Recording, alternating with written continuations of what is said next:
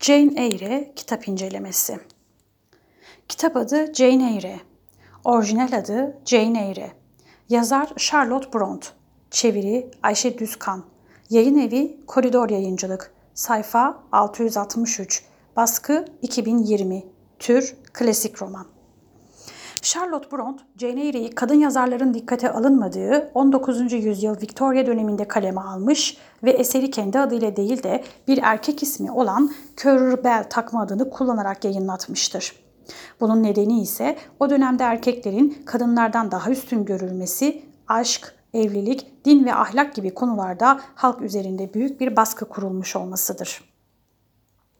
Dünya klasikleri arasında önemli bir yere sahip olan kitap, farklı sınıftan olan iki kişinin aşkını ele alırken aynı zamanda o dönemde var olan erkek üstünlüğünü ve toplumda yaşanan dini baskıyı da gözler önüne seriyor. Aynı zamanda ana karakter üzerinden kadınların da güçlü ve özgür olabileceğine de değiniyor. Ayrıca kitapta yazarın hayatından kesitlerle karşılaşmak da mümkün. Bu da kitabı daha okunulası yapıyor elbette. Çünkü bu gerçeklik sayesinde mutluluk, üzüntü, korku gibi duygular okuyucuya çok daha iyi geçiyor. Peki nedir bu benzerlikler dediğinizi duyar gibiyim. Benzerliklere örnek olarak yazarın da ebeveynlerini küçük yaşta kaybetmesini, o dönem göz önüne alındığında onun da dini bir eğitim verilen bir okula gitmesini, okulda yaşanılan salgın hastalıklar sonucu yaşanan ölümleri ve tıpkı kitabın ana karakteri Jane gibi önce okuduğu okulda öğretmenlik yapmasını, sonrasında özel öğretmenlik yapmaya başlamasını göstermek mümkün. Kısacası kitabı okuduğumuzda aslında yazarın kendi hayatında yaşadığı en önemli olayları eserine yansıttığını görebiliyoruz. Bu sayede bizler de kurguya dökülmüş olan acılar, mutsuzluklar ve ölümler karşısında verilen tepkileri çok daha iyi hissedebiliyoruz. Kitaptaki olaylar ana karakter olan Jane Eyre'nin anne ve babası ölünce bakımını üstlenen dayısının evine taşınmasıyla başlıyor. Yenge ve kuzenler Jane'i istemedikleri için ona kötü davranıyorlardır. Jane de sevilmediği insanlar arasında yaşamaktan son derece mutsuzdur. Kısa bir süre sonra Jane'in dayısı vefat eder. Onu evlerinde istemeyen yengesi dayısının vefatından hemen sonra Jane'i sıkı kuralları olan yatılı bir okula gönderir. Yenge ve kuzenler ondan kurtuldukları için Jane ise sevgi görmediği, hiç arkadaşı olmadığı ve her türlü kötülüğü gördüğü ortamdan kurtulma şansına erişebildiği için son derece mutludur. Henüz 10 yaşında olan Jane için yatılı okula alışmak ilk başta çok kolay olmayacaktır. Yatılı okulun bir hayli katı kuralları vardır ve esnetilmesi de mümkün değildir. Okuldaki öğrenciler zaman zaman soğuğa, zaman zaman ise açlığa karşı da mücadele etmek zorundadırlar. Çünkü bu da okulun verdiği eğitimin bir parçasıdır. Ama tüm bu yaşananlara rağmen yatılı okul Jane için hem yepyeni bir ortamdır hem de tüm zorluklarına rağmen bulunmaz bir nimettir. Bu ortama kısa sürede alışan Jane okuldaki kızlarla da güzel bir arkadaşlık bağı kurar. Daha önce hiç arkadaşı olmayan, kendi halinde, sessiz dünyasında yaşayan biri için bu ortam çok daha huzurlu ve mutlu bir hayatın başlamasına olanak sağlar.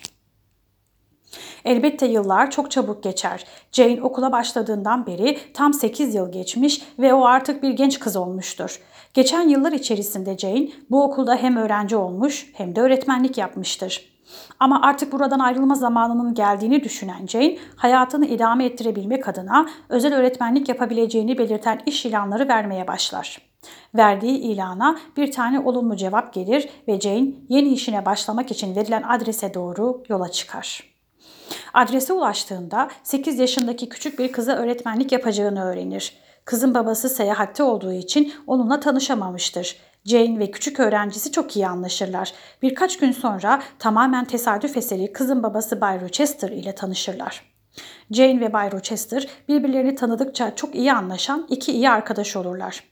Bir gün konağa yatılı misafirler gelir. Misafirler geldikten sonra ise konakta her gün eğlenceler düzenlenmeye başlar. Ancak evde garip olaylar da yaşanmaktadır. Çatı katından gelen garip seslerin ne olduğu Jane için tam bir muammadır mesela.'' Gerçeği öğrendiğinde ise üzülmemesi mümkün olmayacaktır. Konaktaki eğlenceler tüm hızıyla devam ederken bir gün Jane'in kulağına Bay Rochester'ın yatılı misafirlerinden bir bayanla evleneceği dedikodusu gelir ve Jane bu duruma çok üzülür. Çünkü Bay Rochester'a karşı arkadaşlıktan öte duygular beslemeye başlamıştır. Böyle mutsuz olduğu bir dönemde tam da ne yapması ve nasıl davranması gerektiğine dair karar vermeye çalışırken yengesinin çok hasta olduğu ve kendisiyle görüşmek istediği haberi gelir. Aldığı bu haber üzerine Jane bir süreliğine yengesini ziyarete gider. Yengesi ölüm döşeğindedir ve az zamanı kalmıştır. Yaptığı tüm kötülükler için ondan özür diler ve kendisini affetmesini ister. Bir de bir amcası olduğunu ve mirasını Jane'e bıraktığını ama Jane'e çok kızgın olduğu için bu durumu da ondan sakladığını itiraf eder ve ölür. Jane yengesinin cenaze işlemlerinden sonra Bay Rochester'ın konağına geri döner. Bay Rochester onun geri dönmesine çok sevinir. Onunla konuşarak kendisine aşık olduğunu ve evlenmek istediğini söyler. Jane evliliği kabul eder ancak kısa bir süre sonra Bay Rochester'ın zaten evli olduğu ortaya çıkar. Bu durumu öğrenen Jane oradan ayrılır ve yolu hiç bilmediği bir kasabaya düşer. Hayatta kalabilmek için çalışmalıdır. İş arar ama bulamaz. Son kez şansını denemek için bir evin kapısını çalar ve önünde bayılır. Evin sahipleri üç kardeştir. Onu içeri alır ve onunla ilgilenirler. Jane onlarla birlikte yaşamaya başlar. İki kız kardeşle çok iyi geçinen Jane'e göre kızların erkek kardeşi olan John da çok iyi biridir. Bu dörtlü bir müddet sonra aslında kuzen olduklarını öğrenirler. Bu durum onları çok şaşırtmış olsa da bir o kadar da sevinmişlerdir. Kuzen olduklarını öğrendikten sonra Jane amcasından kalan mirasta onların da hakları olduğunu düşündüğü için parayı kuzenleriyle birlikte eşit bir şekilde paylaşır. Elbette ki herkesin kendi payına düşen para ile ilgili fikirleri vardır. John Hindistan'a gitmek ve orada misyonerlik yapmak istemektedir. Tercih ettiği bu hayatta kendisine yol arkadaşı olabilecek kişi olarak ise Jane'i düşünür ve ona evlilik teklif eder. Ne yazık ki Jane bu teklifi reddeder. John'dan kendisine son bir iyilik olarak iş bulmasını ister ve John onu küçük bir eve yerleştirir ve kasabanın öğretmeni olmasını sağlar. Jane her ne kadar bu kasabaya ve insanlarına alışmış olsa da Bay Rochester'ı merak ediyordur. Dayanamaz ve konağa onu görmeye gider. Ancak konakta bir yangın çıktığını, yangında Bay Rochester'ın ağır yaralandığını, karısının ise öldüğünü öğrenir. Bay Rochester'ın yanına gider. Onun yangın esnasında gözlerinin kör olduğunu ve bir elini kaybettiğini öğrenir. Birbirlerine karşı hissettikleri duygularının hala aynı olduğunu düşündükleri için evlenme kararı alırlar. Kısa süre içerisinde evlenirler.